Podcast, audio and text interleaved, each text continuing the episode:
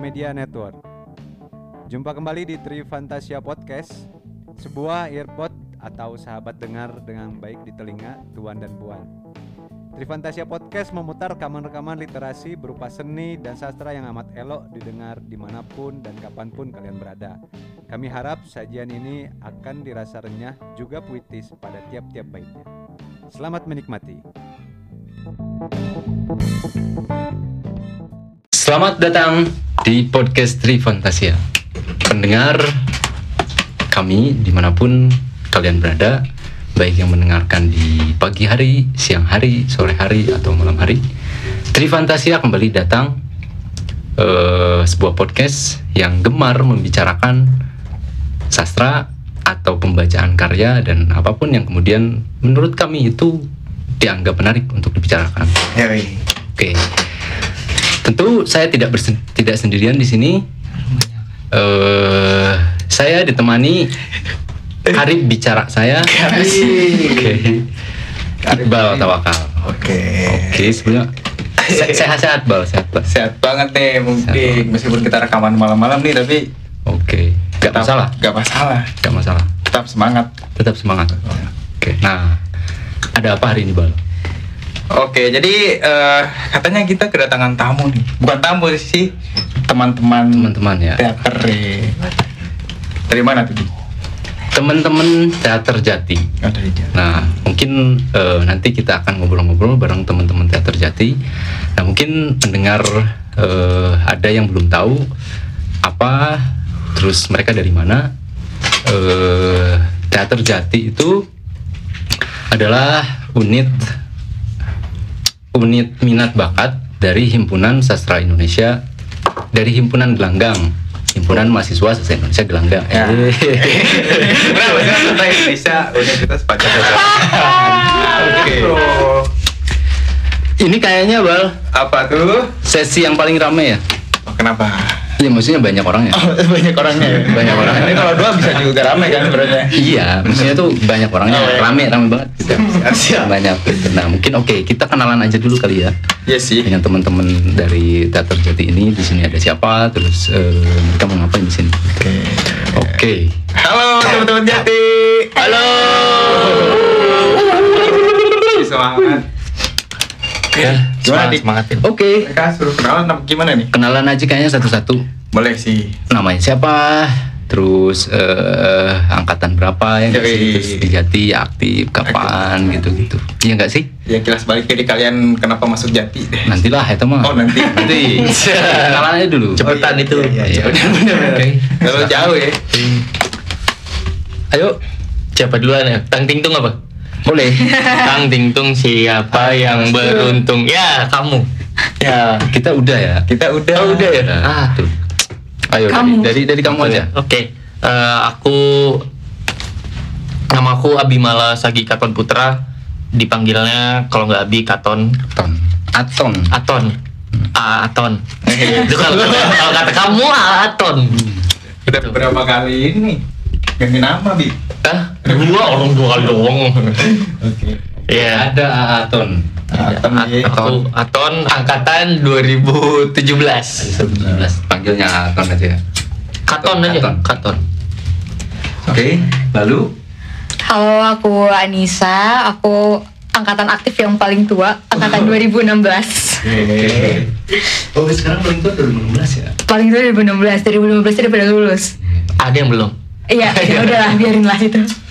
Nggak usah bahas lah. Jangan dibahas. Nanti itu. Oke, lanjut. Eh, aku Riri Aisyah, bisa biasa dipanggil Riri. Aku yang termuda angkatan 2018, tapi aku yang termuda di antara kalian semua. Oh ya udah, oke. Iya kan? Justru kalau termuda kan sekarang 2019 ya. Eh, iya sih, 2019 termuda, tapi di antara yang di sini umur paling muda.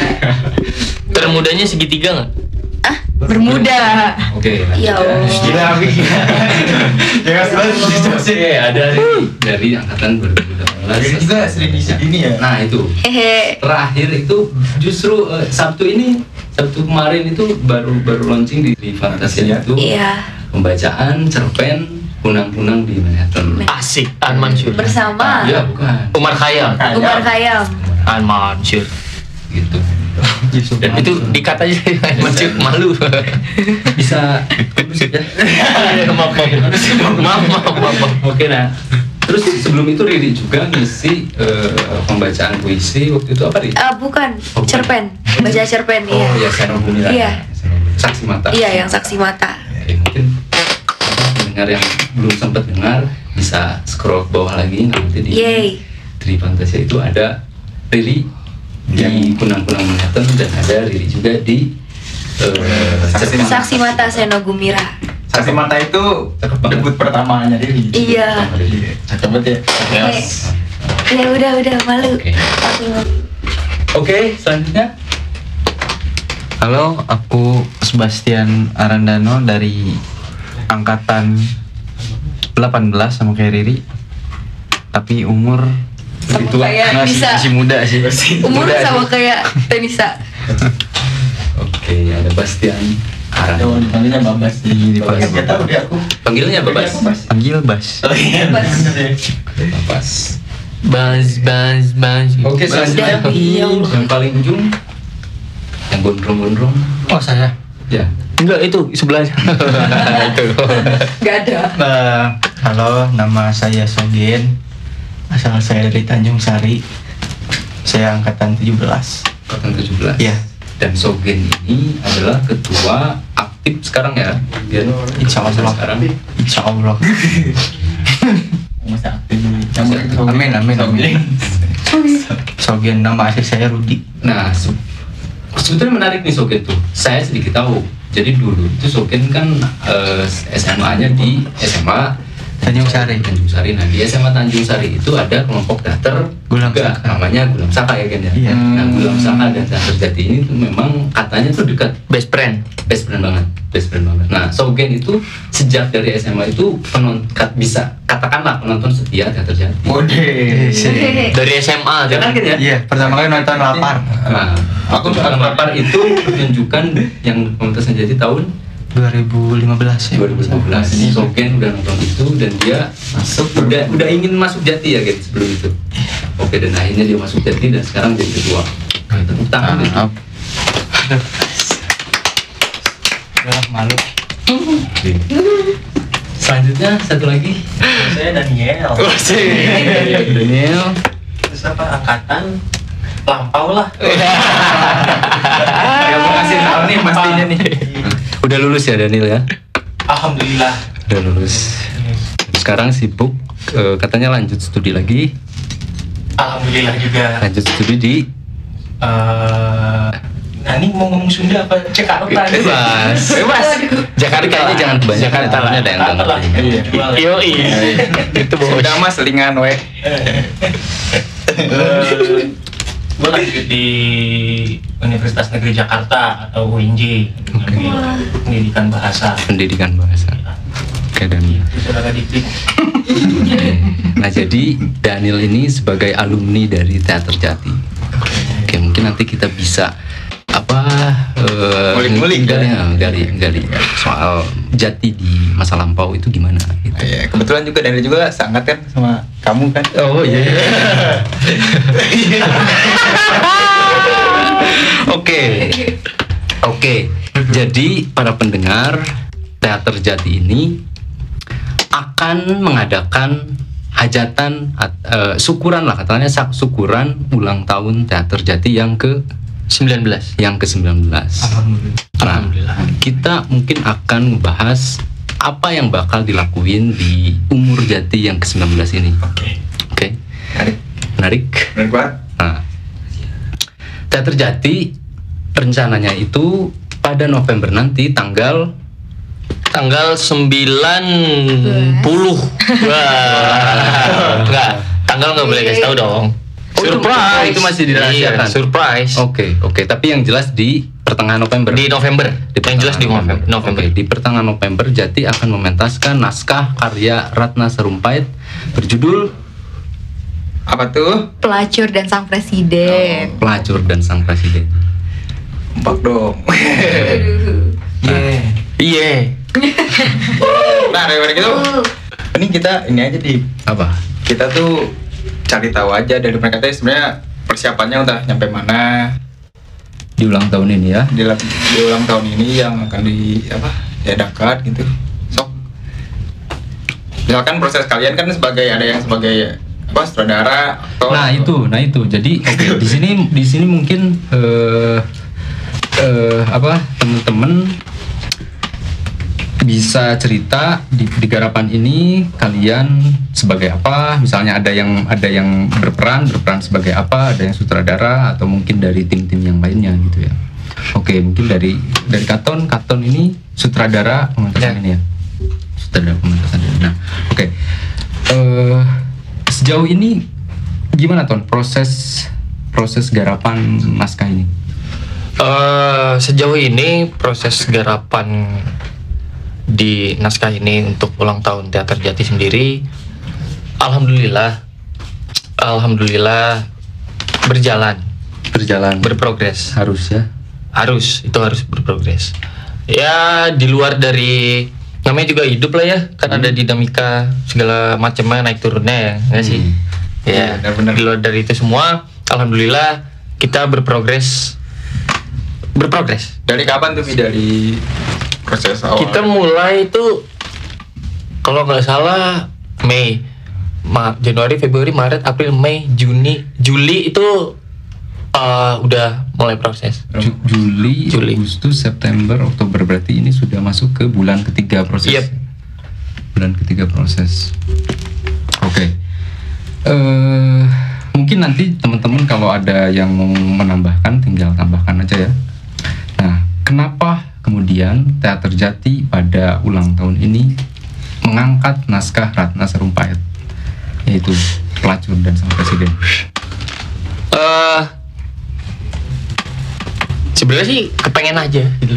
Pengen aja. pengen aja soalnya da- eh, semester aku kan sekarang semester 5 dan waktu itu semester 1 eh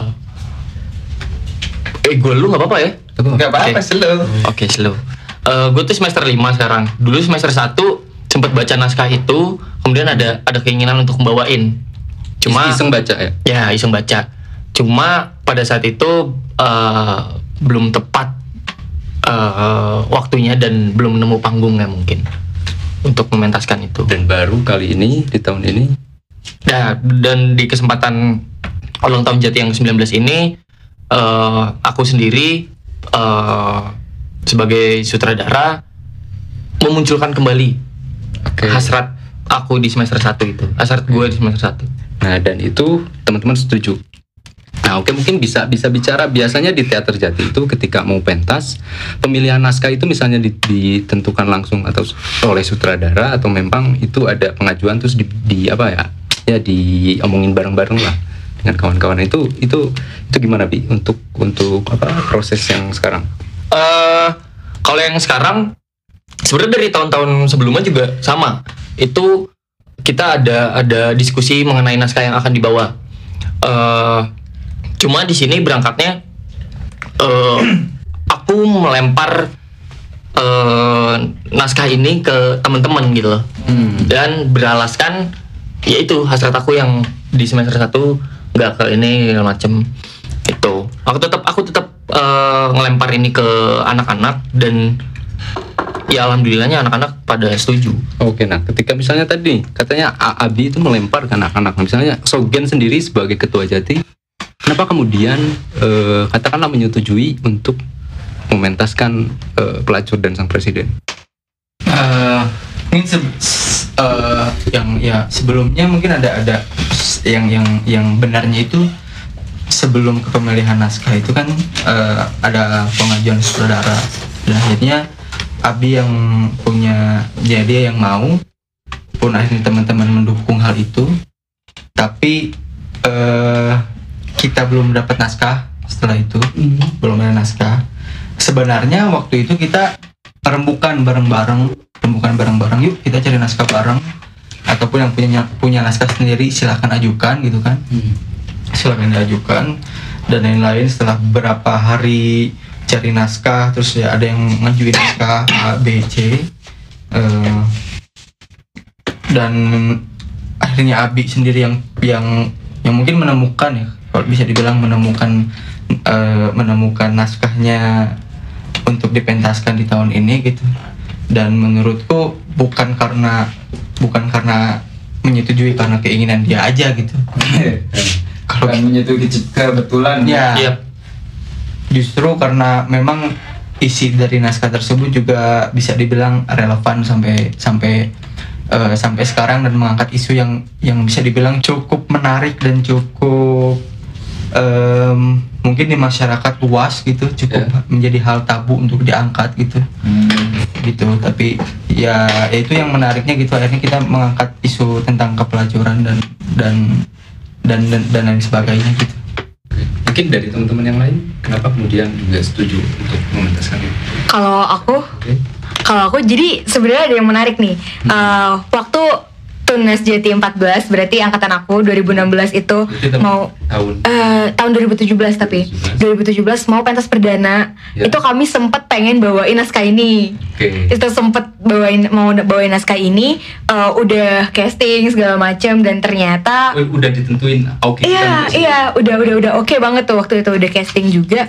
Ternyata waktu itu eh, kita kekurangan SDM. Pentas perdana kan jumlahnya nggak banyak, beda sama pentas ulang tahun karena kan bener-bener calon anggota baru gitu kan. Terus akhirnya gagal waktu itu udah mulai proses tapi gagal karena nggak nemuin eh, siasatnya gimana.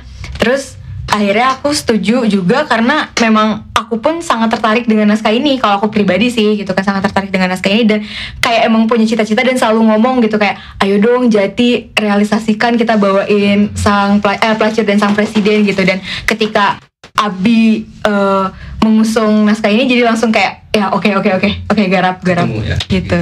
oh bentar. Tadi itu ada pentas perdana. Jadi maksudnya maksudnya teman-teman apa? Pentas perdana itu apa Uh, jadi pentas perdana itu pentas mandiri yang dilakukan oleh uh, tunas baru, anggota baru uh, ketika mereka mau masuk jati gitu. Jadi jati itu dalam setahun ada dua kali pentas. Ada pentas perdana itu yang khusus buat calon anggota baru dan pentas ulang tahun gitu. Jadi yang rutinnya itu dua itu. Dua itu yang rutin. Mungkin Riri atau Bastian Pendapatnya soal sih mau menyetujui eh, naskah eh, sebentar kalau kalau Nisa itu berarti Hmm? sekarang di pementasan ini main ya Aku main. berperan sebagai Aku sebagai Buria. Buria mungkin mungkin pendengar juga mas- masih banyak yang belum tahu sebetulnya ceritanya soal apa siapa yang main kita bahas ya dengan yang menonton. pendengar dan penonton Ya, iya. Oke. Anton di sini Abi di sini sebagai sutradara Nisa pemain eh, Aktor. Aktor. Buria itu itu pem- pemeran utama ya Ah itu bukan. Bukan. Aku nggak, aku nggak ngambil pemeran utama tahun ini karena aku mau skripsian. Ah. jadi aku dari awal udah bilang aku nggak mau, Bisa. aku nggak mau jadi pemeran utama di tahun ini dan biar regenerasi sih. iya iya Karena sebelum sebelumnya sebelum sebelumnya jadi pemeran utamanya Bisa Ya. terus. aku terus aku terus dong. skripsi skripsi sebelum Skripsi, Bastian Riri skripsi, kalau ya. kalau Sogen itu di pementasan ini? Aku sebagai asisten sutradara. Asisten sutradara. Astrada. Dan iya gitu. Oke. Astrada. Nggak merangkap-rangkap. artistik. Nah, itu nggak semua orang yang merangkap. Oke lanjut. Bastian Riri? Ya Bas dulu. So, kalau aku di sini jadi sipir jagain penjara eh, dia ditahan nih. siapa Jamila, Jamila. Jamila Terus di sini tuh aku jadi bawahannya Buria, gantiin shiftnya dia. Aku ceritanya jagain shift bagian siang di sini. sabar ya nonton Iya. membaca mungkin eh pembaca Penuh. Mungkin masih agak rumit Nanti kau bakal terbongkar semuanya. Tenang. atau sebetulnya mungkin banyak juga yang ini juga ada udah difilmkan udah difilmkan juga kok iya jadi kayak ya mungkin udah ada beberapa yang nonton lah. Katanya tuh udah tahun 2009 ya kalau nggak salah. Iya. Ya disutradai langsung sama Ratna. Yep. iya sama Ratna. Sarumpait dengan dibintangi anaknya sendiri. Anak sendiri, Atika sendiri. Atika Atika orang. tapi katanya judulnya berubah ya?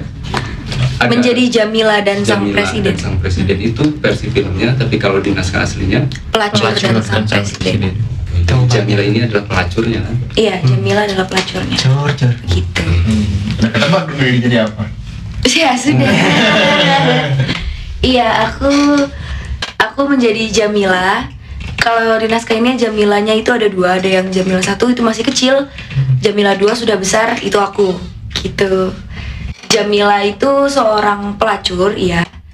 Di umurnya yang sudah 26 tahun dia itu pelacurnya dengan klien-kliennya dia itu yang pejabat, setingkat-setingkat pejabat. Begitu. Kemudian dia dipenjara karena dia membunuh pejabat ini. Gitu. Dan dia menyerahkan dirinya sendiri. Gitu. Jadi dia eh, di penjara dan di penjara di sinilah dia bertemu dengan Buria, dia bertemu dengan sipir ini. Yang sipir ini namanya siapa? Surya Surya ya, ya. Di sipir ini namanya Surya gitu deh. Daniel jadi apa nih? Saya jadi pemantau aja. Mantau dari Jakarta. Jadi sejauh ini pantauan hasil pantauannya Iya, hasil pantauannya gimana nih? Eh, Nggak ada. Belum kali ya. Ya, belum, belum. Oke, mungkin eh, para penonton, pendengar, kita break dulu sebentar. Setelah itu kita lanjut lagi. Mungkin kita setelah ini kita ngulas eh, tadi walaupun sedikit udah diulas sama Riri ya Iya. tentang tentang apa ceritanya bagaimana. Tapi oke mungkin setelah ini kita ulas lebih jauh pelacur dan sang presiden itu bagaimana ceritanya. Iya. Jadi sebenarnya ini spoiler gak apa-apa ya? Hmm, sedikit aja sih. Oke, aturlah sutradara. Eh, atur-atur aja sama kalian. Oke, baik eh, penonton, pendengar di mana pun yang berada, kita break sebentar. Eh, ada beberapa pariwara. Baik, Oke, Setelah yang satu ini. Iya.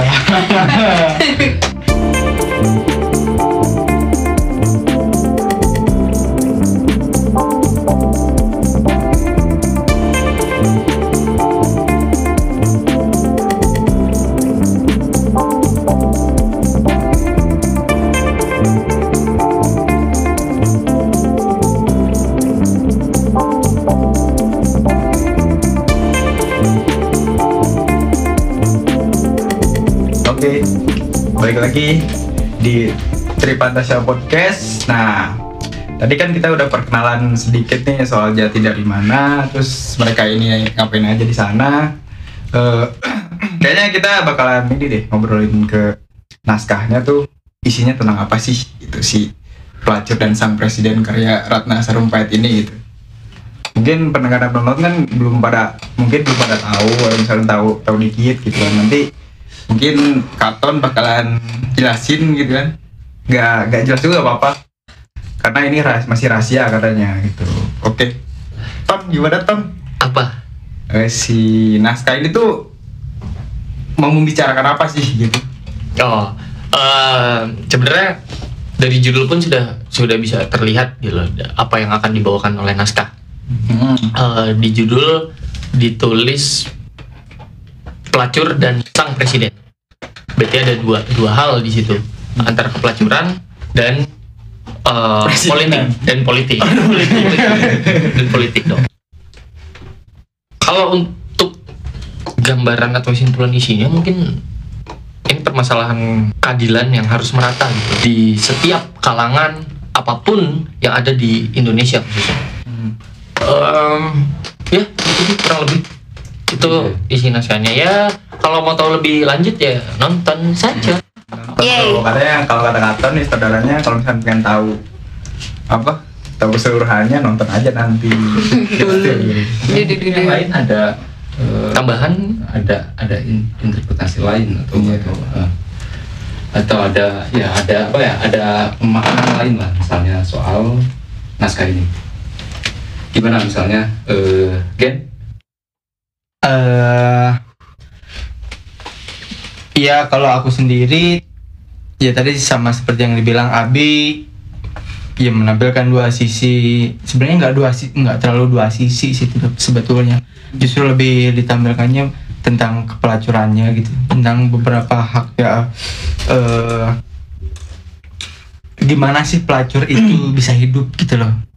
Eh, gimana sih mereka berjuang untuk kehidupan mereka sendiri yang yang yang nggak pernah dilihat sama masyarakat awam. Itu sih yang akhirnya menarik dan dan kalau menurutku naskah ini ya, ya di samping kita berbicara tentang konsep pak kepanggungan dan lain-lain cukup cukup enak untuk diulik dan dan dan membuat beberapa hal yang baru gitu. Eh pelacur dan sang presiden balik lagi sama seperti yang aku bilang sebelumnya mengangkat satu hal yang yang cukup tabu dan menarik untuk dibicarakan seperti itu. Karena ya ya kita kita masih belum belum bisa belum bisa apa sih buka-bukaan secara gamblang berbicara tentang kepelacuran dan lain-lain gitu. Pasti ada pro kontranya gitu. Seperti itu sih kita ingin menghadirkan eh begini loh gitu kepelacuran teh gitu Oke, tadi misalnya ada eh, beberapa sisi-sisi pelacuran yang mungkin tidak dilihat oleh masyarakat luas. Hmm. Misalnya kan sedikit sisi-sisi apa misalnya yang kemudian itu tidak dilihat oleh masyarakat luas, kemudian mungkin ditampilkan di naskah ini. sisi sisi sisi itu apa sisi dari psikologis seorang pelacurnya sendiri terus sisi Iya. dari kehidupan pelacurnya itu sendiri gitu Eh justru pelacur banyak lahir dari kalangan-kalangan yang yang bisa Berekonomi dibilang- rendah ya. nah itu mungkin kalau kalau ya aku aku menilainya tentang bagaimana sisi perjuangan seorang pelacur itu sendiri dalam dalam menghadapi kehidupan gitu dalam bagaimana dia berjuang terus bagaimana dia eh, menyikapi dirinya sendiri yang sebetulnya bisa dibilang ya kotor tapi ya gimana gitu loh. Dan kalau itu ya mungkin sama seperti yang Riri perankan seperti Jamila gitu. Iya. apa ya seperti apa rasanya gitu. Nah kita nah di la- enggak kita sih. Di naskah ini ya menampilkan hal-hal seperti itu gitu.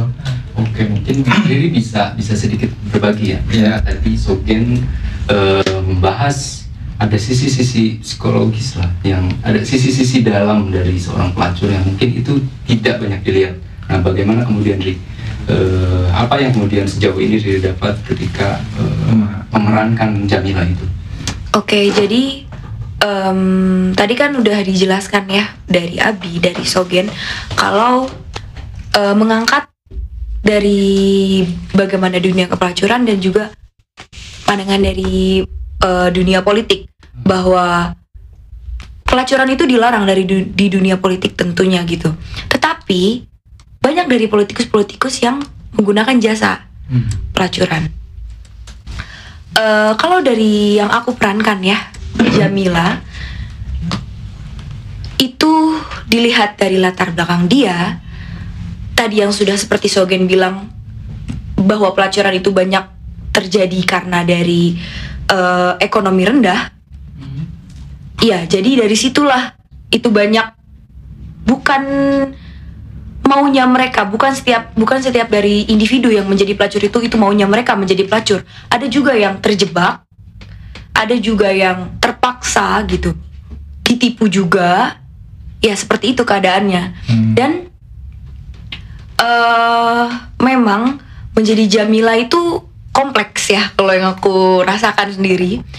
Dia itu kompleks karena dia berasal dari keluarga yang berekonomi rendah. Dia terpaksa melacur. Kemudian dia seakan-akan tidak bisa keluar dari kehidupan pelacur itu yang juga mempengaruhi ke sisi spiritualitas dia. Mempengaruhi juga ke bagaimana dia bertindak bagaimana dia mengambil keputusan ketika dia sudah tidak bisa em, istilahnya apa ya? Pentok lah kepentok. Eh udah terpepet. Begitu yang tadi tadi di awal aku udah pernah udah bilang ya tentang yang membunuh seorang pejabat itu. Begitu. Ini, ini ya kayak banyak benturan gitu ya. Jadi Iya. kayaknya seorang Jamila memutuskan untuk jadi seorang pelacur mungkin gitu. Aku nggak tahu ada ada katakanlah ada desakan-desakan dari luar mungkin gitu Hmm. yang kemudian eh, katakanlah memaksa dia untuk menjadi pelacur. iya Mungkin saya akan lanjut ke Nisan. Iya gimana? Eh, Ratna Sarum Sarumpait itu kan misalnya di, di naskah ini dia Hmm. juga bicara soal bagaimana apa kedudukan perempuan yang yang apa yang juga dianggap apa eh, rendah lah, Hmm. menjadi korban lah. Hmm. Nah, bagaimana nih saya melihat itu di naskah ini? Oke, eh, menarik sih. Eh, untuk naskah ini kalau aku melihatnya ini bicara soal kepemilikan tubuh perempuan, Oke. kepemilikan tubuh perempuan dan eksistensi seorang perempuan itu sendiri gitu. Karena di sini ada banyak tokoh yang disinggung juga selain pelacur ada juga Germo, ada juga seorang kepala sipir penjara gitu yang dikepalai oleh Oh, perempuan. Hmm. Germonya di sini tuh laki-laki. perempuan Oh, perempuan. perempuan juga gitu kan dari kepala sipir penjara yang seorang perempuan dan memasukkan eh, ada peran-peran tambahan seperti istri-istri pejabat gitu yang sebenarnya semua perempuan di sini itu sebagai korban ditampilkan semuanya di sini tuh sebagai korban gitu kan Saya bisa agak bahas bagaimana kemudian ah, korban-korban semacam apa kemudian yang apa perempuan itu menjadi korban yang bagaimana? Oke, Hmm, kalau misalkan eh, di dunia prostitusi sendiri tadi sudah dibahas juga kan menyoal eh, adanya desakan-desakan ekonomi gitu kan. Terus kalau yang si kepala sipir ini pun dia eh, kalau di sini sih yang aku perankan itu dia adalah korban kekerasan dalam rumah tangga gitu kan. Terus kalau yang si istri-istri pejabat ini juga dia korban dari bagaimana nafsu laki-laki gitu kan yang akhirnya mengkhianati sebuah hubungan yang sakral gitu kan dalam pernikahan gitu kan dan eh, Ratna Sarumpait ya banyak menyuguhkan bahwa ini loh ini loh keadaan perempuan Indonesia tuh seperti ini gitu kan akhirnya eh, jalan-jalan yang mereka pilih jalan-jalan yang mereka tempuh bagaimana mereka bersikap itu dilatar belakangi oleh apa-apa yang sudah mereka alami gitu kan. Dan eh, tadi juga menyinggung gitu aku sih eh, soal ini sih aku aku sangat tertarik soal bagaimana akhirnya pelacur itu memilih untuk menjadi seorang pelacur terjun ke dalam dunia prostitusi gitu. Tapi ada banyak faktor gitu. Seperti misalkan di Jamila sendiri gitu mungkin awalnya dia memiliki ini ya ada dorongan untuk memperbaiki ekonominya gitu kan. Tapi pada akhirnya di naskah itu eh, Jamila memilih menjadi pelacur karena dia memang ingin menjadi pelacur Dengan Beda gitu. kemauannya sendiri. dengan kemauannya sendiri gitu maksudnya itu adalah sebuah bentuk eksistensialisme gitu kan maksudnya ada ada ada ada satu pilihan ada satu kebebasan ada satu keterbukaan bahwa dia hadir bukan hanya karena faktor luar tapi dia ingin menjadi pelacur karena faktor dalam dirinya itu sih yang juga menarik menurutku di naskah ini Kenapa Jamila ingin jadi pelacur? Kenapa Oja nggak ingin jadi pelacur? Mungkin dijawab nanti di panggung ya. Dijawab di panggung. Jangan kenapa? di spoilerin terus. Hey, menarik ya. ada ada apa? Ada pelacur terus ada perempuan-perempuan lain yang terlibat juga. Misalnya ada germo ada istri pejabat. Nah kemudian bagaimana sipir nih di di di, di pementasan itu? Eh, bagaimana fungsi peran sipir di, di, di pementasan itu sebetulnya Bas Hmm, sebenarnya sih fungsi sipir di sini ya kayak sipir kayak biasanya gitu mantau. Oh, iya, jangan gerak-gerak gini. Iya bener kata Nisa tadi di sini banyak banget ngangkat perempuan sebagai yang apa sih tadi? Korban. korban Korban. Nah laki-laki juga disebut korban apa gimana sih soalnya?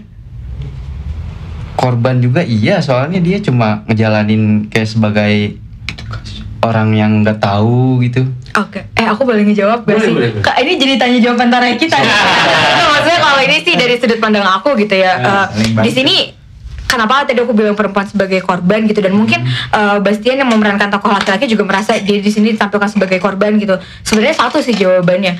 Karena masyarakat kita masih menganut sistem patriarki. Akhirnya sistem patriarki itu nggak cuma memakan korban perempuan, laki-laki yang sebenarnya merasa nggak tahu apa-apa dan mungkin nggak cocok dengan sistemnya ya mau nggak mau dia sebagai korban juga gitu Mm-mm. gitu karena sudah terbentuk kan sistem gitu kan budaya budaya patriarki yang melekat sama masyarakat kita sih Oke. Memang kemudian kan eh, banyak banyak dimensi ya yang yang apa yang yang hadir di sini. Dan bisa ada dimensi-dimensi sosial, politik, gitu, eh, ekonomi, iya dan juga kan pendidikan, gitu ya. yes Nah, Sama ada dimensi spiritual. Oh, iya. Yep. Nah, eh, kabarnya Ra- Ratna Sarumpait ini kan sebelum menulis naskah ini dia melakukan tinjauan benar Iya, Yep, riset. riset. Eh, memang betul-betul riset kan? Iya. betul-betul riset. Nah, eh, oke mungkin bisa bisa sedikit berbagi soal soal riset yang dilakukan oleh Ratna Sarumpait. eh kalau nggak salah dia dia beliau riset itu langsung dari data UNESCO. Jadi- mengenai human trafficking Betul. terkhususnya eh khususnya ke eh, penjualan anak di bawah umur Oke. itu Oke. itu itu eh, itu menjadi di di sisi lain eh, beliau riset tentang hal-hal di luar human trafficking ya tapi eh, dari dari situ pun kalau bisa di eh, kalau hmm, kalau boleh dikatakan ya naskah ini juga mengangkat perihal itu Human trafficking. Human trafficking. Iya, jadi bisa jadi uh, human trafficking itu adalah salah satu faktor Hmm. bagaimana bisa terjadinya seorang anak perempuan menjadi pelacur. Hmm. Dari situ karena mungkin dari kecil dia sudah dilempar lah ke dunia-dunia kemucikarian itulah gitu. Oke. Kan kemudian ya ada ya desakan kemiskinan segala macam. Iya. Iya. Dan oke, mi- misalnya saya mau mau mau apa mau loncat ke Daniel. Bagaimana kemudian tadi ada ada ada dimensi pendidikan yang juga dibahas Di dalam naskah ini, ya, benar. Kemudian itu juga misalnya eh, kualitas pendidikan kan kemudian juga mempengaruhi gitu ya. Nah, bagaimana nih misalnya pendi- hubungan pendidikan dengan misalnya praktik pelacuran itu eh, ya bagaimana mereka mereka itu bersinggungan gitu. Pertanyaan dosen ya. Susah ya. Berat sih. Eh, Ya. ya saya juga jadi berat juga karena belajar di sana gitu. Tapi bersinggungan antara dunia kepelacuran dengan eh, pendidikan itu memang sangat erat. Eh, mungkin juga karena memang eh, faktor kebudayaan itu kan, kebudayaan itu salah satunya ya pendidikan yang bagaimana sebuah bangsa bisa dibilang besar karena pendidikannya gitu. Nah, eh, balik lagi karena kita ngebahas tentang eh, Indonesia ya pasti dengan bisa dibilang pendidikan kita yang golong masih eh, rendah, masih rendah. Jadi eh, itu sangat sangat bersinggungan. Jadi eh, masih banyak gitu masyarakat masyarakat yang berada di eh, jauh dari dunia perkotaan misalnya yang tapi mengingin- menginginkan anaknya untuk eh, bekerja daripada eh, bersekolah itu juga sudah sudah Hmm. sudah membuat sesuatu eh, gesekan sosial yang besar gitu. Eh, untuk memicu eh, individu itu ya mungkin kalau dibahas ini ya khususnya untuk perempuan dalam mencari nafkah misalnya daripada dia untuk memperdalam skill kehidupannya sendiri ya.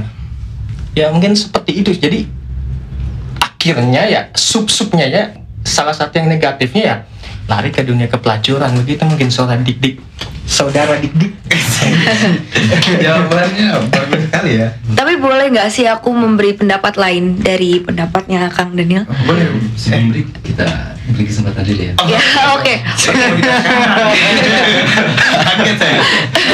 Iya sebentar aja. Jadi em, kalau menurut Kang Daniel kan em, intinya ya kurangnya pendidikan itu bisa menjadi salah satu pemicu seorang perempuan menjadi pelacur. Begitu? faktor Iya salah satu faktor. Tapi kalau yang saya em, dapat ya dari sini, eh, Jamila itu adalah so- seseorang yang berpendidikan. Jadi dia memang sebelumnya dia tidak berpendidikan, tapi kemudian ketika dia sambil melacur itu, dia belajar, dia bahkan masuk sekolah. Jadi dia ini adalah seseorang yang yang berpendidikan. Jamila itu. Pelacur itu belum tentu tidak berpendidikan lah, begitu istilahnya. Jadi tidak selalu perempuan yang menjadi pelacur itu adalah perempuan yang tidak terdidik, yang kotor pun kotor itu adalah adalah hal adalah suatu kata yang relatif gitu. Seorang perempuan yang sudah tidak perawan belum tentu adalah kotor. Iya gitu. Jadi kalau menurutku sih Oke, memang memang menarik Ini. Kayak tadi misalnya eh, banyak pelacur yang dia menjadi pelacur itu terdesak, tapi misalnya Jamila itu ada keinginan sendiri. Yes, ya. Terus misalnya, oke, memang juga misalnya tidak apa, eh, memang banyak juga misalnya pelacur yang dia menjadi pelacur itu karena misalnya Faktor ekonomi. pendidikan. Tapi kemudian di sini Jamila itu justru juga berpendidikan. Nah mungkin ini kan ini ya tadi yang kata Sugi bilang ada sisi-sisi lain yang kemudian tidak banyak dilihat oleh masyarakat. Masyarakat, dan benar. mungkin naskah ini mencoba menampilkan sisi-sisi itu. Ya. akan ya menelanjang gitu lagi Oke, tapi harus break dulu. iya nih Break lagi. Break. Ada beberapa pariwara. Tetap bersama kami Tri Fantasia dan Teater Jati.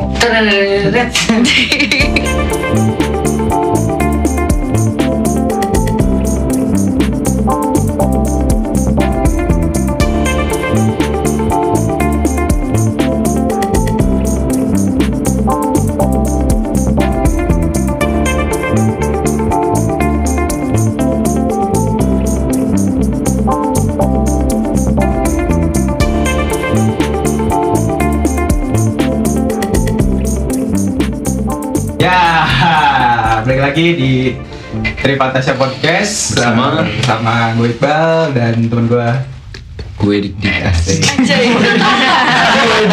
Itu anjing ngomongnya. Gue.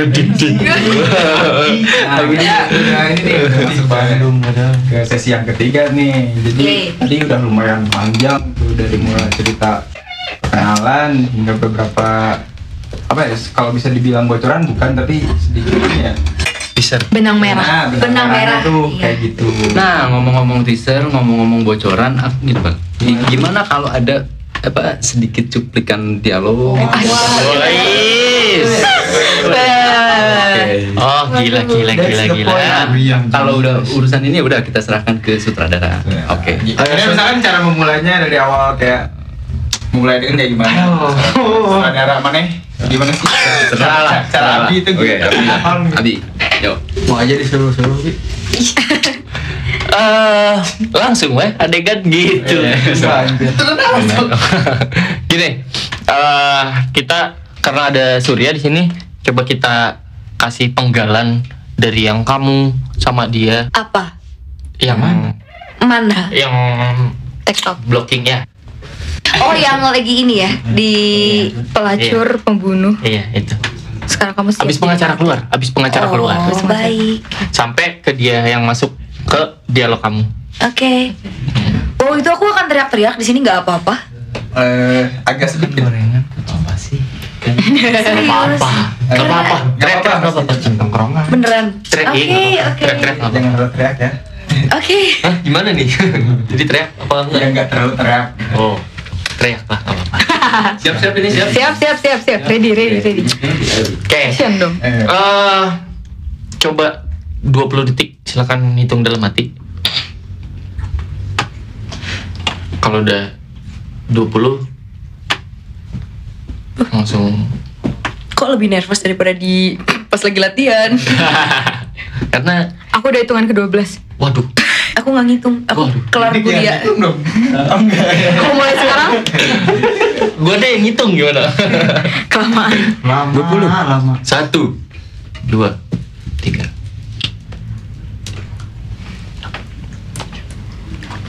Mereka hitung lagi.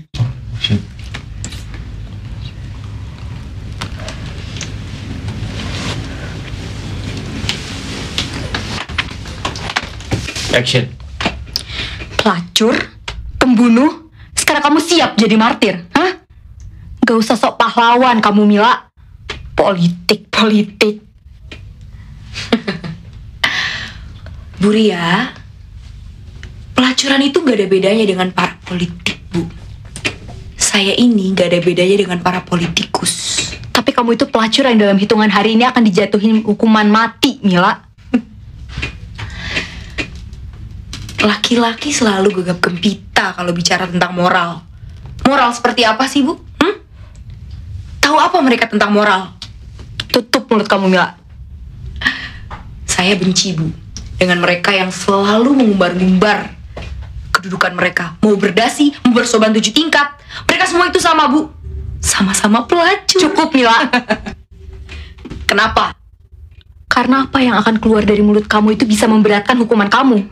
Oh, jadi setelah kemarin-kemarin ibu sibuk meledek saya, mengejek saya, melecehkan saya, sekarang mendadak ibu peduli.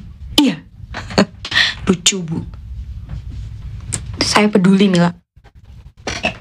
Saya peduli. Itu sebabnya saya nggak mau apa yang keluar dari mulut kamu itu bisa membebankan hukuman kamu nanti. Gitu bu. Gimana kalau menurut ibu ya? Kalau saya maunya seluruh dunia mendengar omongan saya.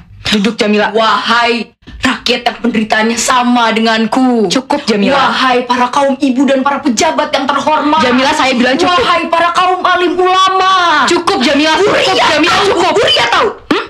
Gimana para ulama melihat saya, Bu? Neraka jahanam.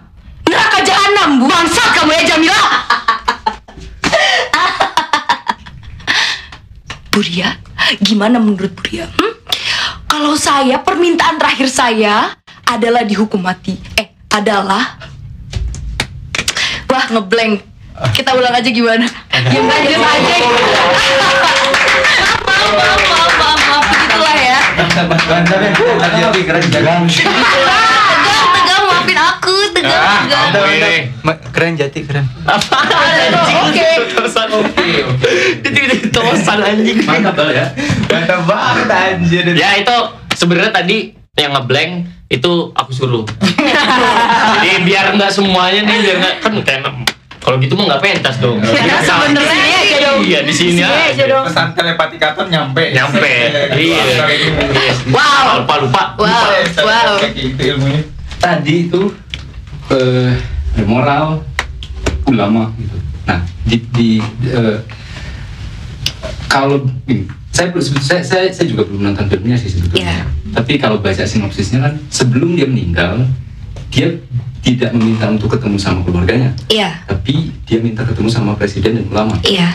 Oke, nah kita ngomongin soal moral misalnya dimensi-dimensi spiritualitas, bagaimana kemudian perspektif agama itu di- di- ditampilkan di sini. Karena misalnya oke di, di, di- oke di, di kita kan eh, kenapa kemudian pelacur pelacuran itu dilarang misalnya selain oke misalnya itu eh, akhirnya jadi apa ada Tindakan amoral. tindakan moral terus penyakit gitu kan ya Yes. dan juga itu adalah perbuatan dosa misalnya gitu nah agama kemudian kan memandangnya seperti itu Iya. nah bagaimana hal-hal itu ditampilkan di naskah ini oke siapa bebas pak yang Dari sutradara kalau begitu. Oh silakan. Loh. Ya udah gimana kalau saya? Iya, iya, siap. Gimana kalau ini bapak kameramen? dari mungkin dari Jamilanya sendiri yang langsung berinteraksi sama sama si Ulama. tokoh ulama itu. oke Oke. Eh, kalau bagi Jamila, kenapa dia meminta bertemu dengan eh, presiden dan ulama ya? Dengan ulama lah. Eh, Jamila itu berlatar belakang dia adalah perempuan yang beragama Islam gitu ya, beragama lah. Dia bahkan eh, selalu membaca Al-Quran dulu. Tapi kemudian ketika dia sudah terjun ke dalam dunia pelacuran, ya dia merasa dirinya adalah kotor dan tidak pantas untuk bahkan memohon, untuk bahkan em, berinteraksi dengan hal-hal iya, hal- hal-hal yang berbau ketuhanan. Ketika dia mau mendekati ajalnya lah ya, ketika mendekati ajalnya dia akhirnya meminta bertemu dengan ulama. Di situ, kalau yang dari pandangan saya, ulama itu bagi dia adalah su- adalah suatu jembatan. Antara dia dengan ketuhanan, antara dia dengan em, apa ya namanya tuh rakyat, bukan rakyat tapi eh, masyarakat ya, antara dia dengan masyarakat juga. Karena di situ juga banyak sekali masyarakat yang protes, demo, demo untuk yang bunuh Jamila apa segala macem. Dan itu mengatasnamakan moral yang mereka bawa-bawa dari em, apa namanya ormas, begitu. Jadi ya ormas itu kan dekat lah ya dengan yang namanya em, agama gitu, maksudnya itu ormas-ormas yang eh, agama. basisnya agama Iya, basis bas- basicnya agama, gitu. Iya, jadi dia dari situlah. Kalau menurut saya ada dua pandangannya dari situ. Jembatan ulama, jembatan untuk ke ketuhanan, keagamaan dia, jembatan juga untuk ke masyarakat. Gitu. Aku mau nambahin dikit sih. Gini, eh, yang menarik di situ disinggung, diplesetin sebenarnya salah Iya. satu ormas menjadi FPI B. Forum Pembela Iman, Iman Bangsa, Bangsa. gitu kan. Iman bangsa. Forum bukan Pembela Iman bukan, Bangsa. bukan forum pembela yang lain, Oh, forum iya, pembela Iman. Iya, dinas- di naskah. dinas- Di naskah emang dibuat FPI D, Forum Pembela Iman Bangsa gitu. Oh, Eh, FPI. Jauh-jauh amat ya. Enggak. Dan banget banget. Oke. Eh, dan gini sih menurutku yang menarik gitu kan ketika Jamila akhirnya memilih untuk bertemu dengan sosok ulama eh, karena gini sering kali dalam dunia prostitusi yang disalahkan adalah sang pelacur, Iya. sang perempuan gitu. Akhirnya di sini Jamila mau menuntut keadilan juga sih menurutku kayak kenapa yang disalahin harus perempuan, kenapa yang disalahin harus pelacur dan selalu gitu kan gembar-gembornya gitu dalam dunia prostitusi itu kan ya pelacur tuh iya Iya, oh, iya. negatif gini gini. Negatif Kenapa nggak otak laki-lakinya aja yang disalahkan? Kenapa nggak otak para eh, penikmat jasa itu aja gitu yang yang coba untuk dilurusin dong nih lo kan katanya ulama lo katanya forum pembela iman bangsa nih gitu kalau cuma nyala nyalahin satu sisi doang sih perempuan Nah. doang pelacur doang kenapa nggak coba tuh otak lo yang kebanyakan di selangkangan itu tuh yang coba dinaikin aja ke kepala gitu Iya, dan para Jadi petingginya pun kebanyakan kepala gitu. laki-laki gitu kan. iya Kebanyakan para petinggi ormas-ormas tersebut adalah laki-laki. Kenapa laki-laki ini tidak mengkod- mengkoridori laki-laki lain? Mengapa menyalahkan perempuannya? itu Karena ya maksudnya iya sudah menjaga lah ya, perempuan juga sudah mencoba kok menjaga. Pelacuran itu juga kan adalah suatu pekerjaan paling tua di dunia, That's right. ya kan? Yang tidak bisa munafik lah. Bahkan sampai ke pejabat yang berbicara tentang moral, selalu tentang moral, di belakang main pelacur gitu. Dan gini ya, eh perihal ulama atau iya kiai lah istilahnya. Di datang ke ke Jamila guna eh, karena diundang sama Jamilanya sendiri karena ingin minta eh, apa ingin berbicara dengan ulama. Di sini sebenarnya kalau dari situasi dan kondisi saat ini sebenarnya lucu. Lucu. Ketawa dulu lah. Sebenarnya lucu. Enggak gini. Maksud yang di, yang dimaksudkan lucu tuh gini antara keagamaan dengan eh, hal yang di, bisa dibilang dosa lah ya istilah. itu nggak erat. Padahal dua dualisme itu yang ber, dualisme yang berbeda tapi erat sebenarnya. Antara eh, orang yang berbuat salah eh orang berbuat benar dan dosa. Kalau di sini kan kayaknya pelacur berbuat dosa ya kan? Itu harus erat Dengan apa penyebabnya dia seperti itu? Maksudnya itu pelacur dan dosa itu kan erat harusnya gitu. enggak. Keagamaan. keagamaan. Salah pengertian.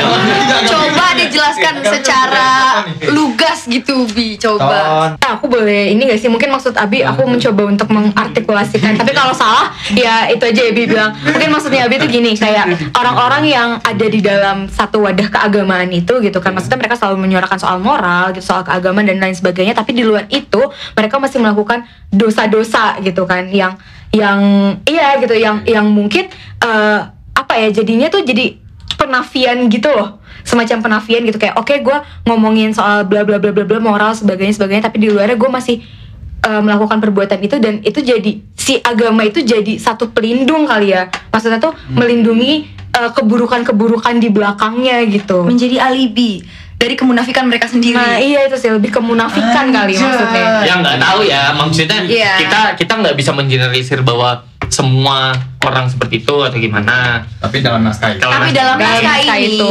mencoba dijelaskan seperti itu. Oh dan lagi sat- la- satu lagi. Jadi kalau yang aku lihat dari sini adalah di naskah eh, lebih banyak Jami ketika sudah bertemu dengan dengan dengan si kiai ini ya lebih banyak Jamila yang bercerita daripada si kiainya. Karena kalau misalnya di dunia nyata pada di dunia nyata ya eh apa pun yang bertentangan dengan apa yang dikatakan oleh ormas-ormas ini, oleh agama, oleh apa pun, itu mereka lebih banyak berbicara dan tidak menerima pernyataan dari oposisi mereka. Di sini eh, Jamila mencoba di detik-detik kematiannya dia mencoba untuk kayak dengerin gue, dengerin gue sekarang di sini. Udah lu semua diem aja, dengerin gue sekarang di sini. Maaf, dengerin gue sekarang di sini. Kasih gue kesempatan untuk bicara paling tidak sekali ini saja karena pada biasanya saya dibungkam gitu. dan karena sebenarnya lucu makanya aku di sini menampilkan sos si ki si ki ah, si agama ini itu ya ra, ya 180 derajat bahkan dari persepsi publik baru biasanya Yap. gitu. Oh.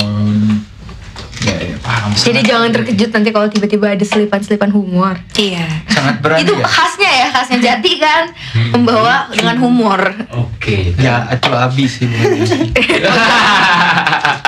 Siapa Enggak. dulu sutradaranya? Siapa dulu sutradaranya? maka kan misalnya eh, tadi ngomongin soal khas-khasnya jati itu Wah, wah. Bridgingnya bisa banget.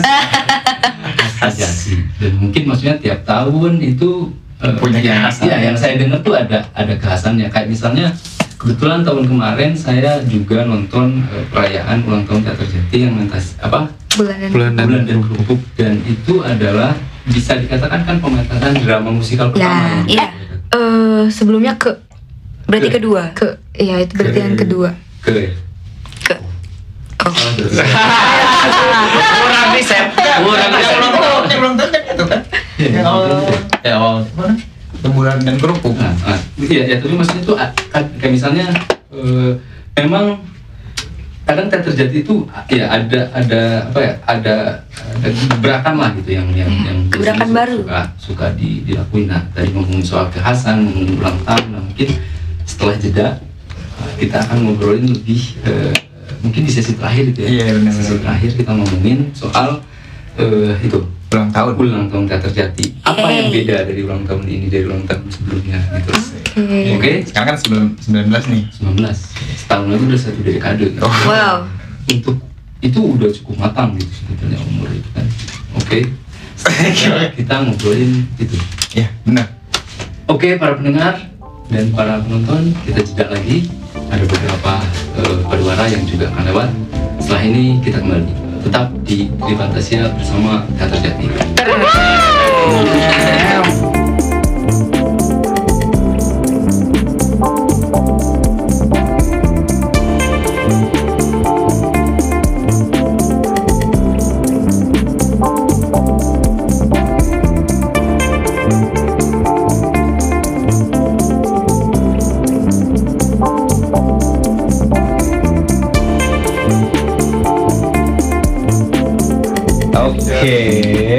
nih balik lagi bersama kami yang sudah mulai terlihat tunduh gitu kan atau ngantuk. belum Oh, belum tapi belum, tapi belum. eh, Smart. enggak apa namanya obat ngantuk ada udah di stain sama tim kita nih. Wih, apa tuh? Apa tuh? Ambil sini ke depan nih ada kopi. Wah, kopi. Keren, keren. Kopi pahit. Oke, ini kita udah masuk ke sesi terakhir kayaknya sesi nih. terakhir Ya, Tapi sebelum itu katanya eh, Dik Dik mau bawain lagu kayaknya nih. sebuah lagu Sebuah lagu. sebuah lagu, Lagu untuk yang malam kayaknya- ini Eh, ini sih, ah kejutan deh, sok aja Oke. nyanyi.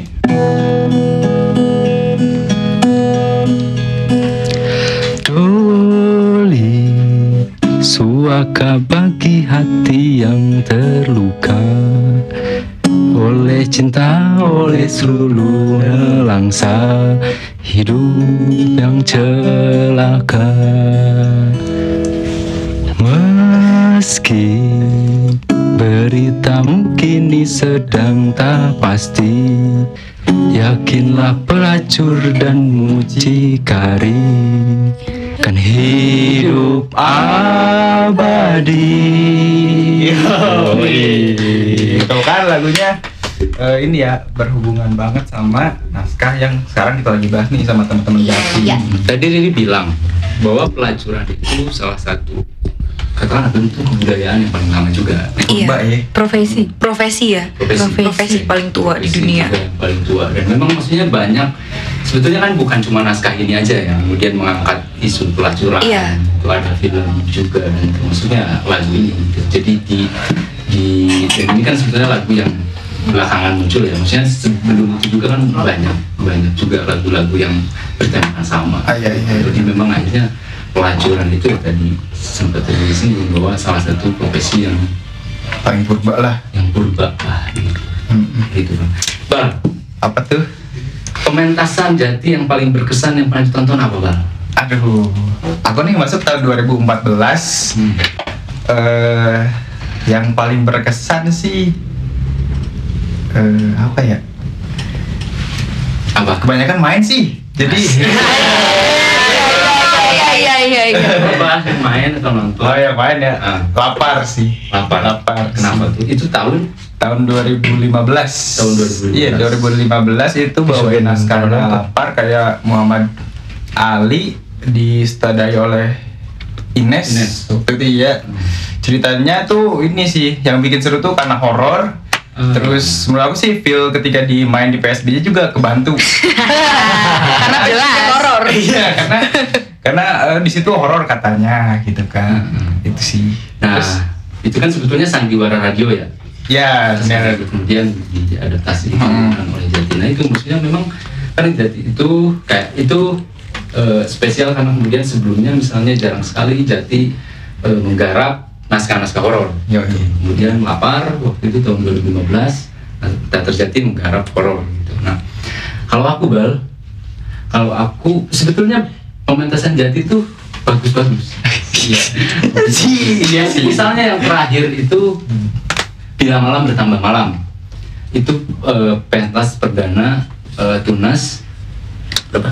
16 Tunas 16. Eh, 2000 tahun kemarin tahun kemarin itu menjadi kalau kalau bagi aku pesannya itu sangat segar karena Jati waktu itu ngangkat nah, ngangkat tradisi Bali Iya. ada kecak terus logat logat yang, yang, yang apa logat Bali, Bali. dan memang juga eh, kabarnya ada guru bahasanya Iya ada. itu terus misalnya yang yang berkesan lagi tuh ke misalnya Hmm. Jadi di- jadi mainnya nggak di panggung Ya, ya kan mainnya nggak di panggung di lantai dan itu di setting bareng sama penonton. bareng sama penonton jadi Gak ada batas. Iya, pemainnya tuh di- di- ditebar tuh. Di- Jadi eh, biasanya kan kalau kita nonton teater itu pandangan tuh selalu ke depan. Nah, kalau ini enggak, kadang ada penonton di belakang jadi kita lihat di belakang atau bahkan kalau kamu beruntung kamu duduk di samping pemain. Atau di depan. Iya, atau di depan pemainnya atau di belakang. Nah, jadi memang di setting jadi semacam gerbong kereta api waktu Yes. itu. Itu berkesan juga.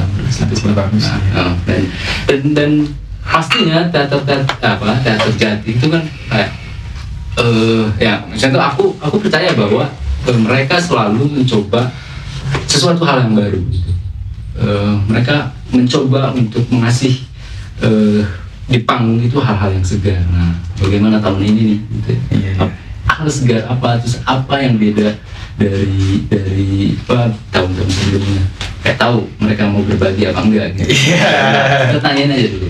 Oke, gimana nih Ton, eh, Gen, untuk- Bahas semuanya nih. Iya semuanya. Ah, maksudnya Katon kan sutradara terus Togen ketua Oh, iya, sekarang. benar. Tapi ya maksudnya untuk semuanya juga. Nah, eh, apa, ap- bagaimana tahun ini? Bagaimana perayaan ulang tahun Ja- teater teater itu? eh iya, karena eh bisa dibilang teater Jati setiap tahunnya mementaskan hal-hal yang berbeda dan segar. Hmm. Di tahun ini pun eh, kita semua berusaha untuk mementaskan yang segar juga gitu loh. Eh, kenapa dibilang segar? Mungkin aku nggak tahu ya. Eh, apakah eh, mungkin sanggar-sanggar atau teater-teater lain sudah eh, seperti ini sebelum atau belum? Ya, belum mantap belum. eh khususnya untuk teater Jati sendiri bisa dibilang eh, penonton kan kalau kalau selama ini nonton pementasan beli tiket masuk beli tiket masuk ini gimana caranya penonton sebelum beli tiket bahkan Oke. itu sudah eh, Dibawa, sudah disuguhkan. dan bisa dibilang itu penonton menyaksikan langsung trailer dari pementasan tapi tidak berupa dari media. Hmm. hal perekam tidak tapi dari pengalaman-pengalaman yang kita bangun. Eh, po- sorry wah, konsep-konsep yang kita bangun eh, di situ. Oke. dan ah kejauhan sih kalau misalnya bahas itu lagi. Orang nggak mau ngasih tahu karena ah janganlah mereka aja yang lihat ya iya nonton aja langsung biar asik. Gitu Gen? Oke. Oke, gitu. Oke. orang tuh ya orang bikin apa ya Iya, iya. gue tuh apa namanya eh, selalu teringat gitu perkataan seniorku di Jati Eh, Jati tuh selalu punya identik gitu jadi Jati tuh punya identik selalu mentasi naskah-naskah orang-orang jelata, orang-orang miskin gitu Oke. Gue pernah denger tuh kayak gitu tuh jadi punya khas tersendiri lah kayak gitu nah makanya Soalnya RT 0 RW 0 ya. Iya, saya ada. gelandangan ya. Ada. Di situ juga ada ada apa beberapa pelacur. Iya ada pelacur. Iya juga ya. Nah, Kalau enggak telanjang, jadi telanjang identik tuh orang-orangnya tuh. Kalau mentas tuh buka baju gitu. Kolora doang. Iya gitu. Kayak Oh, gitu gitu tuh. ya. Iya. Oke. Kayak gak tahu aja. Oke. Nah, di sini kan yang paling di antara teman-teman kan yang, yang paling lama mungkin juga melihat bagaimana perkembangan jati gitu. Daniel. Daniel sih benar-benar. Nah, Daniel. Nah, gimana Nil? Apa tuh di melihat sejauh ini gitu? Dan mungkin oke eh, teman-teman di sini tadi udah banyak ngobrolin soal pementasan ini naskahnya apa terus nah eh, gimana nih melihat jati dari dari tahun-tahun tahun ke tahun gitu. Sepemantauan Daniel eh kalau pemantauan gua sidik ya. Memang sih dari awal eh, saat eh, zaman gua yang megang emang emang emang jati itu nggak pernah dibikin untuk eh, kita jangganya ini kita eh, tema kita begini. Enggak jadi eh, biarkan pemuda tiap zamannya itu memiliki warnanya masing-masing gitu. Jadi eh, mungkin eh, eh, warnanya eh, zaman gua itu eh, ungu misalnya atau zamannya Sogen itu merah jambu atau eh, zamannya tunas-tunas berikut ada yang hitam ada yang putih ya memang memang seperti itu gitu. Di eh, karena teater itu memanusiakan manusia. Jadi manusia tiap zaman itu memiliki gayanya masing-masing eh, ciamiknya masing-masing. Jadi setiap yang gue tonton setiap yang gue tahu setiap yang gue lihat gitu ya teater jati punya gayanya masing-masing dan gue sangat menikmati saat menonton dan ketemu dengan kawan-kawan. Itu sih saudara dik-dik. Yang paling berkesan loh. Nah, sama masalah paling berkesan kan itu bergantung kepada subjektivitas ya. Kalau dalam segi pemilihan naskah atau apa pun yang berkaitan dengan panggung, menurut gue semua berkesan. Semua berkesan. Masalah teknis itu masalah PR setiap eh, anggota gitu ya. Paling Hmm. ya, kalau gue datang gitu dan gue melihat eh, masalah teknisnya seperti apa ya, paling kita ngobrol kita kan ngopi bareng ngasih tahu kan gini gini gini gini. Lu keren lu keren. Ya cuman kan nggak nggak nggak selalu nggak melulu tentang memberikan eh, pujian gitu. Nggak selalu memberikan ode tapi eh, kita juga ya gua pribadi juga harus memberikan sebuah kritik biar biar teman-teman juga jadi lebih baik lagi ke depannya. Masalah paling berkesan semua berkesan sih itu intinya Kalau Daniel semuanya berkesan sih. Semua berkesan. Berkesan banget. Berkesan banget Iya. oke gimana teman yang lain Gimana teman-teman yang lain? Kalian kan beda ini lah generasi gitu, beda tunas. Iya. Dari ini apa? Dari Dari apa? Mereka kan semua belum ngasih tahu nih yang paling inilah gitu. Yang apa nih? berkesan Paling berkesan. berkesan sama jati dulu nih Oh, kalau ngomongin soal paling berkesan, iya bener sih maksudnya setiap pementasan selalu punya kesannya masing-masing gitu kan kayak waktu eh aku ngebahas yang pentas ulang tahun aja ya gitu kan. Aku pernah ikut itu ke kalau ke tadi udah dibahas juga gitu kan gimana aktor itu melebur dengan penonton benar-benar ada di dalam satu dimensi gitu kan. Karena memang settingnya juga di dalam gerbong kereta api gitu kan. Terus kalau itu memang ke juga drama musikal cuma nggak terlalu banyak eh, bagian nyanyi-nyanyi dan nari-narinya gitu kan. Cuma ada di part-part tertentu. Kalau di bulan kerupuk bulan dan kerupuk itu benar-benar drama musikal dibalut dengan banyak lagu dibalut dengan banyak koreo dan itu jadi bikin panggung walaupun cuma satu itu megah banget kerasanya gitu kan dan kalau yang tahun ini juga berkesan tapi nggak boleh dibocorin dulu ya Pak ya? Gak apa-apa sih berkesan. Berkesan menurut lu menurut lu gara-gara kenapa? Oh kalau yang tahun ini berkesan karena tahun ini gue nggak main sebagai aktor utama. Ada kesannya sendiri gitu kan. Ah, Akhirnya saya rehat gitu kan. Akhirnya saya rehat. Berapa banyak sih yang main di pementasan? Ini? Eh 25 Banyak ya? Ya Banyak. itu jadi kesan tersendiri juga Banyak banyak aktornya Baik, apa yang apa yang kemudian di apa yang diharapkan lah? Diharapkan dari pementasan kali ini, dari tahun ini kan misalnya Sogen setelah setelah pementasan ini kan lengser sebagai ketua Jati, terus oh sekarang juga eh, lagi ini ya lagi masa penerimaan ya, Ya Iya. Ya. masa penerimaan gitu. Nah, oke, apalah kemudian yang yang yang diharapkan dari pementasan tahun ini? Apa Bas? Lebih ini sih ke penontonnya. Soalnya per, per- apa sih pertunjukan teater jati itu sayang banget kalau dilewatin. Terus kan kita biasa tampil tuh di PSBJ yang penonton tuh membludak nonton juga pada sempit sempitan pada gak kebagian tempat. Kalau bisa sih ya penontonnya lebih banyak mungkin kayak sekarang harinya ditambah. Jadi Mm-mm, atau pementasannya itu dimaksimalin lah buat penonton-penonton yang lain soalnya sayang banget kalau dilewatin Mungkin ada yang nggak tahu PSBJ itu apa ya? PSBJ. Iya benar ya. Dia ngomong PSBJ. PSBJ itu gedung eh, Serbaguna. serbaguna yang ada di Fakultas Ilmu Budaya Unpad. Oke, harapan dari yang lainnya?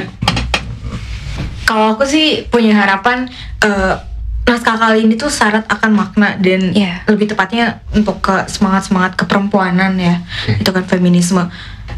Apa yang disampaikan oleh kami nanti di atas panggung itu bisa diterima oleh semua kalangan. Betul-betul oleh semua kalangan biar pertama ya jadi satu pengetahuan baru yang kedua lebih membuka mata sih. Itu itu harapanku betul-betul gitu. Apalagi melihat sekarang ya banyak kasus-kasus Iya, gitu kan dan semoga orang-orang lebih open minded lah gitu RUU PKS. RUU PKS itu Ah, itu Jauh sih. dibawa ya nanti ngobrol RUU PKS dibawa ya itu nanti itu akan dibawa kok isunya ya di pementasan siap. Oke, gimana Ri? Eh, kalau aku harapan aku sebetulnya eh, nggak jauh dari yang tadi sudah Basian bilang nggak dan sangat tidak jauh dari yang sudah Teh Nisa bilang. Iya harapan aku adalah eh, melalui pementasan kali ini maknanya di maknanya sampai ke penonton. Kemudian iya tadi penonton akan dapat pengetahuan baru, penonton juga akan bisa menerima apa yang kami sampaikan, bisa mematahkan banyak stereotip karena kami membawa banyak isu di situ gitu. Bahkan isu yang lagi sangat in lah ya di masa sekarang nih gitu. Terus supaya bisa banyak suara-suara yang apa ya istilahnya di bawah untuk bisa lebih terdengar Oke. gitu. Oke, gimana, Ton? Da- dari Bung Sokin Eh, kalau dari aku harapannya ya untuk pementasan ulang tahun ini eh sama sih sebetulnya sama teman-teman yang udah tadi bilang cuman yang lebih aku harapin dari pentas ulang tahun Jati yang sekarang itu eh orang-orang di dalam Jati lebih melek aja sama sama fenomena-fenomena yang terjadi di lingkungan gitu.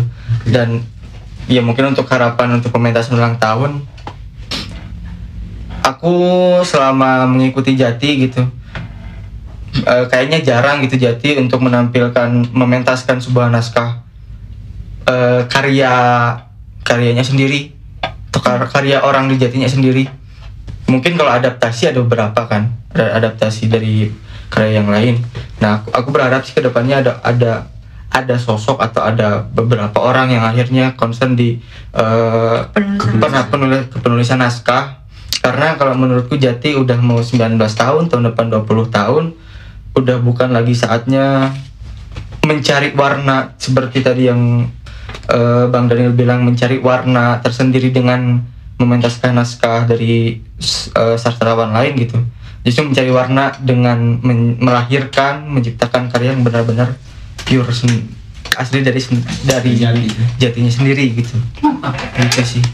Nah, sebelum lanjut ke Katon, tadi bilang apa ya dua si Sergen bilang bahwa eh, Jati apa dia ingin lebih Jati itu melek eh, isu-isu sekitar gitu ya, yang yang kontekstual gitu ya. Aku sendiri sih setuju bang, karena kemudian eh, biar kemudian sih kalau aku pikir nggak main sendiri, gitu. nggak asik sendiri gitu keterhubungan itu dengan dunia sekitar itu aku pikir itu penting banget di panggung gitu dan dan misalnya dengan naskah ini gitu kayak pelancurannya itu masih masih hal yang sangat sangat relevan gitu dengan dengan apa dengan, eh, dengan masyarakat dengan apa yang yang belakangan terjadi lah gitu. Meskipun eh, karya itu misalnya ditulis sekian tahun ke belakang tapi kemudian bukan masalah itunya gitu. Tapi kemudian apakah isu itu eh, masih ada kepentingannya dengan dengan hal-hal sekitar yang sekarang memang tengah terjadi gitu. jadi kalau aku sendiri eh, Setuju ya. setuju. Gitu, Bang. Kalau aku juga sih setuju, setuju, setuju banget aku mah. Soalnya semuanya juga harapannya pasti baik-baik ya buat ulang tahun Jati. Sekarang yang ke-19 dan untuk tahun-tahun selanjutnya semoga regenerasi juga ada gitu masih Amin. banyak. oke Katon Katon gimana Katon? Eh, aku pribadi mengharapkan bahwa penonton mau menerima dan memikirkan evaluasi dari kami teater jati. Evaluasi di sini paham maksudnya gimana? evaluasi, bisa, iya bisa. mungkin evaluasi, evaluasi terhadap sekitar saat ini, terhadap terhadap eh, lingkungan sosial kita saat ini. Jadi dengan kata lain, eh, teater jati itu juga adalah salah satu agen pengevaluasi isu-isu yang ada di sekitar begitu. Bisa jadi Jadi, Oke. jadi sih karena kan katanya kan apa tuh katanya? karya sastra gitu pada umumnya itu adalah cermin sosial gitu ya, Hmm. cermin Iya. masyarakat jadi mungkin hanya itu ketika ada sebuah pertunjukan pementasan gitu kayak cermin terus kita tuh kayak ngaca sendiri gitu oh kayak kan gitu lah ini mungkin ya yang yang yang apa yang di- juga dimaksud sebagai cermin sosial atau kemudian juga eh, apa realitas realitas sosial itu kemudian juga bisa di apa diproyeksikan ke dalam karya-karya sastra gitu mungkin ya Oke, nah mungkin eh, sekarang Bung Daniel bagaimana Apa tuh Dik? harapannya dari eh, tahun ini? gitu? harapan harapan gua ya buat buat sebenarnya sama sih dik Eh,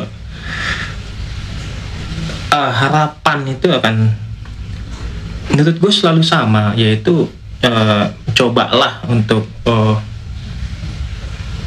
menjadi tanah lempung yang paling baik gitu.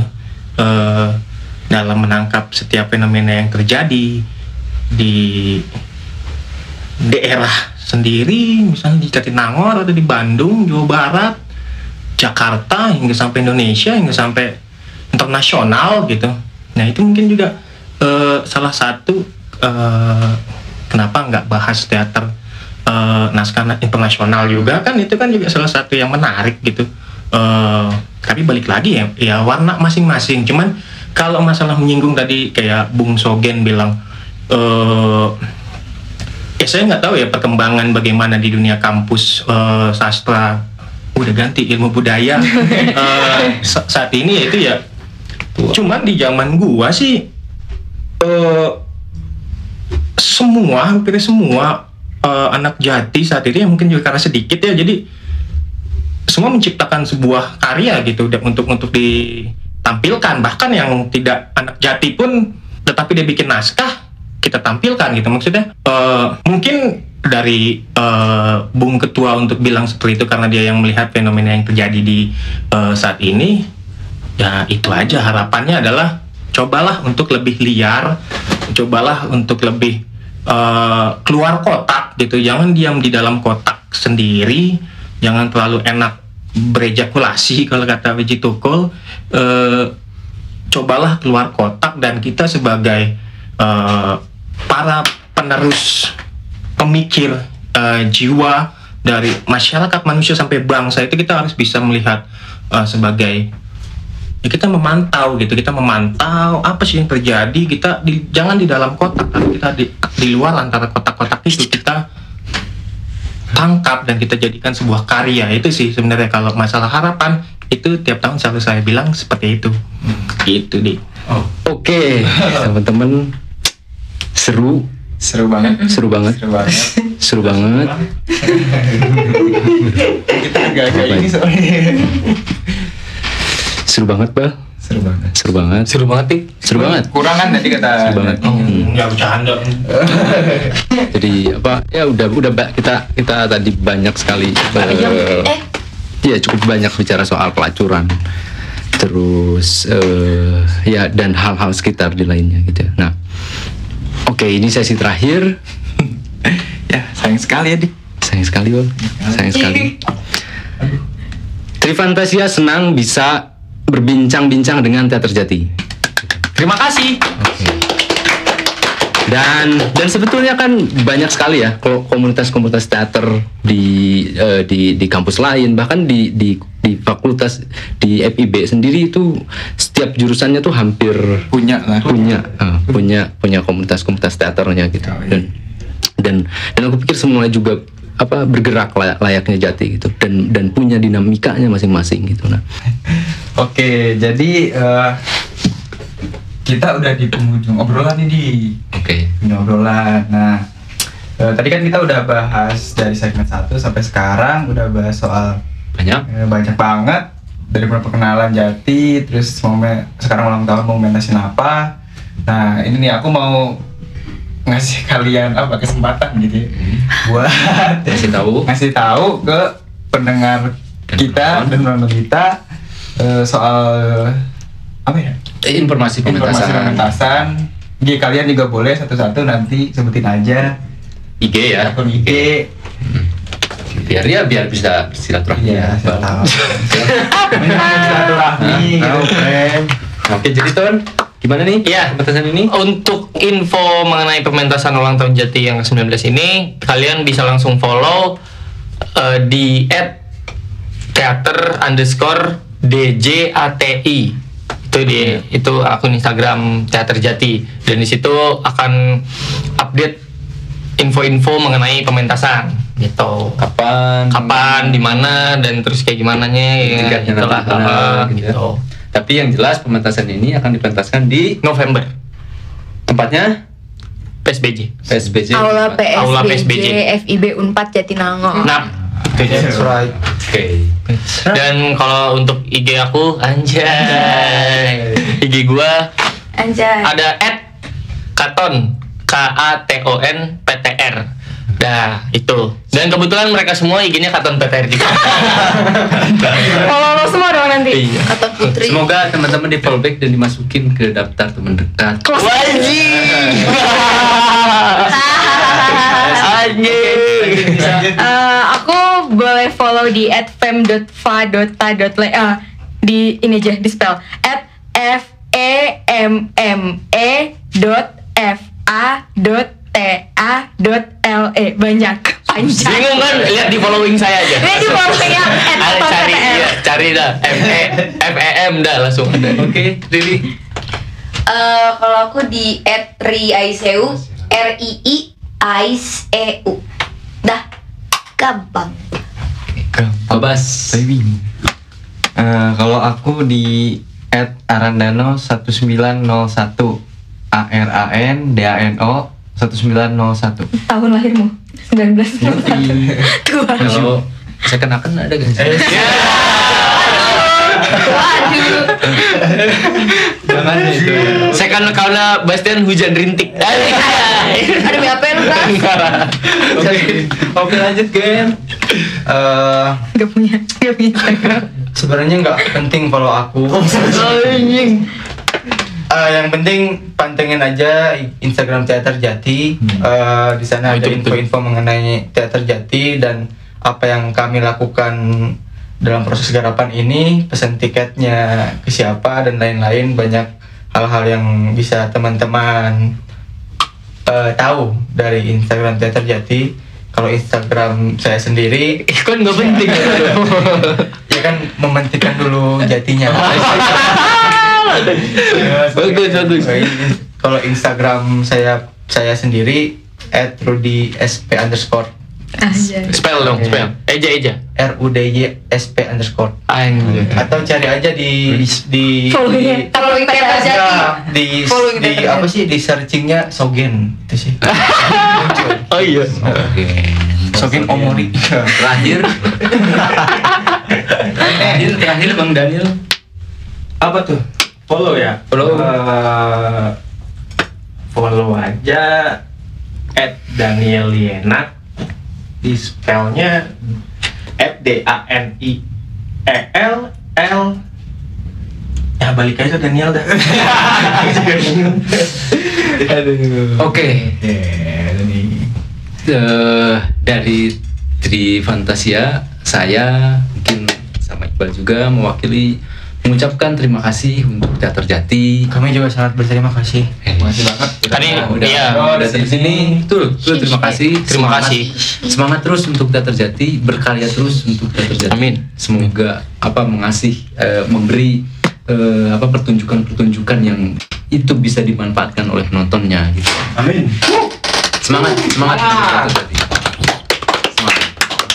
Nah, tapi jangan lupa juga nih buat teman-teman eh, follow juga di Spotify kita di @tripatasia ada di Spotify, Apple Podcast, Google Podcast. Jangan lupa follow @trifantasia.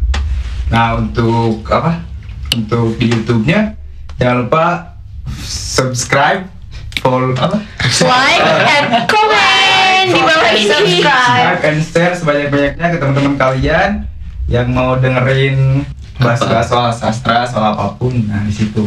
Oke, para pendengar, para penonton sekalian, di mana pun kalian berada, eh, baik yang mendengarkan atau menyaksikan di pagi hari, siang hari, sore hari, atau malam hari, semoga pembicaraan kali ini bermanfaat.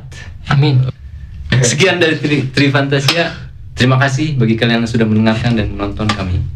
Sampai jumpa di episode Tri Fantasia. Dadah.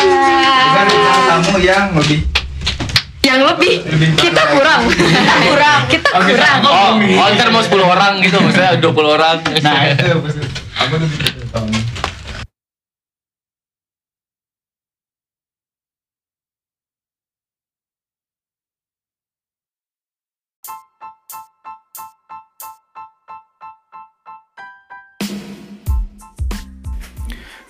you for listening to this podcast, and I hope you continue listening to the next episode.